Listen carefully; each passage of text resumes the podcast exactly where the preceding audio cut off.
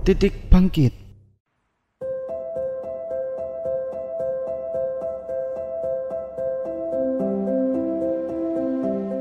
Jadi waktu kuliah di Malang itu banyak waktu yang kosong, yang teman-teman kawan-kawan yang terbiasa aktif itu memanfaatkan waktu kosong dengan berbagai macam.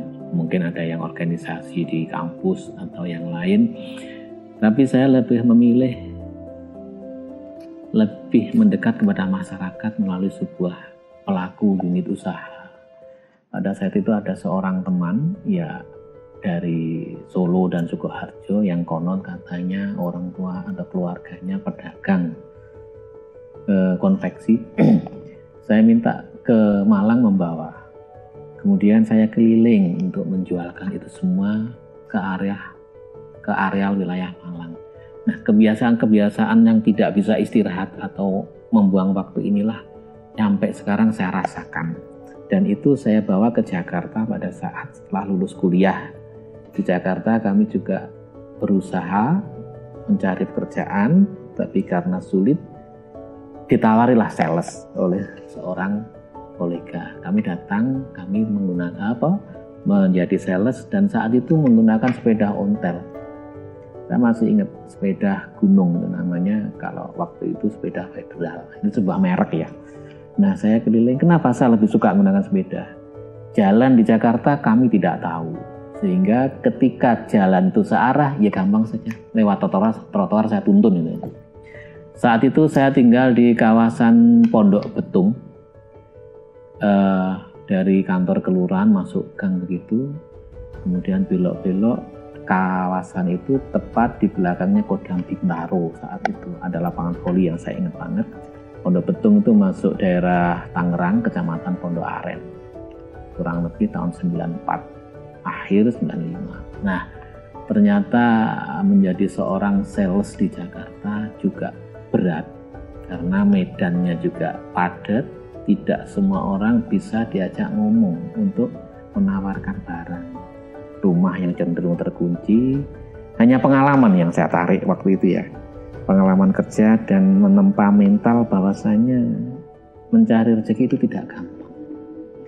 Sehingga kalau kita cepat patah arang ya rezeki itu akan hilang. Makanya mungkin ini kontak ya kontak bagi para yang interest dengan ini yang masih muda manfaatkan waktu itu untuk menempa mental pendidikan itu di samping ilmu juga untuk merubah pola pikir kalau pola pikir kita tetap ada bahwa saya anaknya orang berada saya anaknya orang yang berpangkat pada saatnya orang tua kita akan pergi. Nah, saat orang tua kita pergi, kita sudah siap. Waktu yang tepat untuk menyiapkan ya saat Anda masih dalam usia muda. Nah, dari itulah kemudian tahun kalau saya nggak salah ingat itu bulan-bulan November atau Desember ada lonjakan harga semen Waktu itu semen satu sak 8.000 sampai menjadi 13.000. Harga-harga sudah mulai agak goyah. Terutama para developer, pengembang. Nah saat ini bisnis sedikit seret pada saat itu. Nah sales yang sulit untuk mengembangkan pasarnya atau mungkin juga saya kurang tahu Medan sehingga pada saat itu saya putuskan balik kampung bergabunglah pada sebuah usaha yang usaha jasa. Mulailah saya diklat-diklat tentang perilaku konsumen, menekuni analisa perilaku konsumen. Tuhan pasti akan mengatur saya hidup di mana.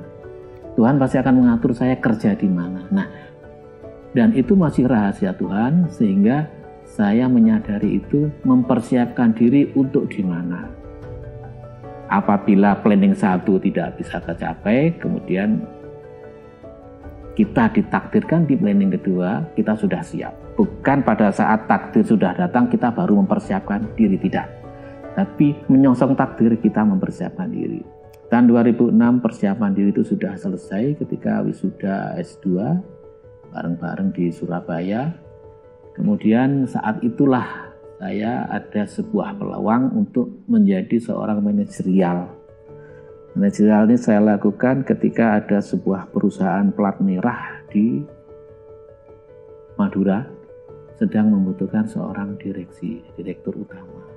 Saya coba-coba dengan niat dan bismillah, alhamdulillah itu menjadi sebuah wahana baru, medan baru eh, bagi saya untuk mencoba menjadi motor dari sebuah perusahaan plat merah yang konon sangat sulit waktu itu bahan bakunya.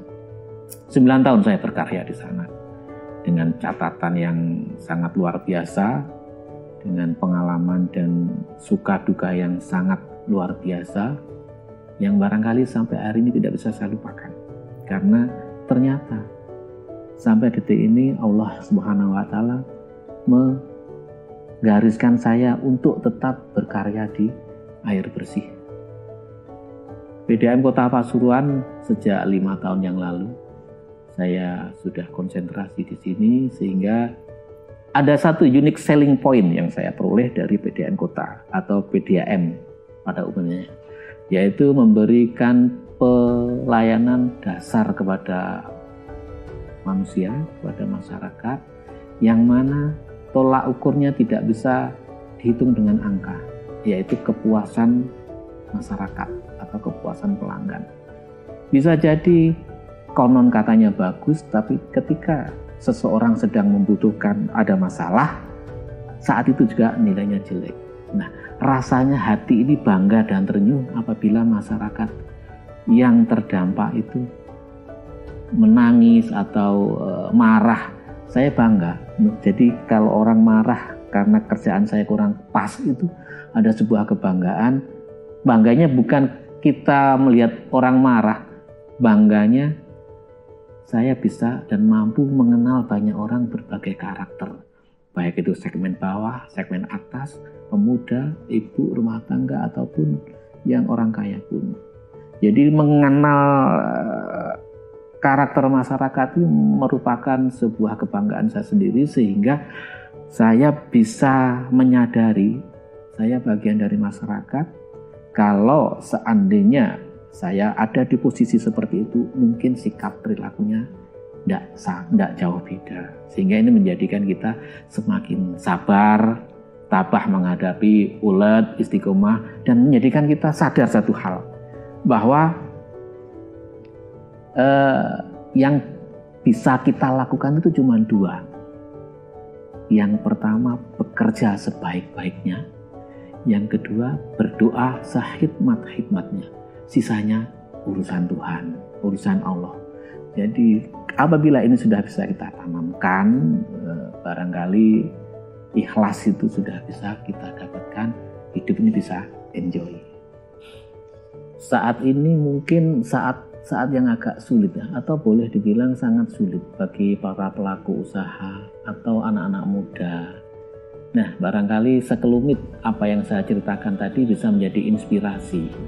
Apa pun kondisinya, apa pun situasinya, itu kembali pada diri kita sendiri. Tidak bisa kita menggantungkan kepada orang lain. Yang bisa mengatasi masalah kita ini hanya kita sendiri. Orang lain hanya menasihati, menyarankan, memberi masukan atau tempat kita sharing. Tapi sejujurnya itu adalah kita sendiri. Bagaikan seorang yang menarik busur anak panah. Bukan anak panahnya lah yang berbahaya. Tapi tangan kita yang memegang busur dan membidik itulah yang berbahaya. Jika anak panah itu tidak kita luncurkan atau kita tidak lepaskan, pasti dia, dia tidak akan liar ke mana-mana jadi intinya kembali kepada diri kita sendiri. Saya Robert Balbut, Direktur PDAM Kota Pasuruan untuk Titik Bangkit Warta Bromo.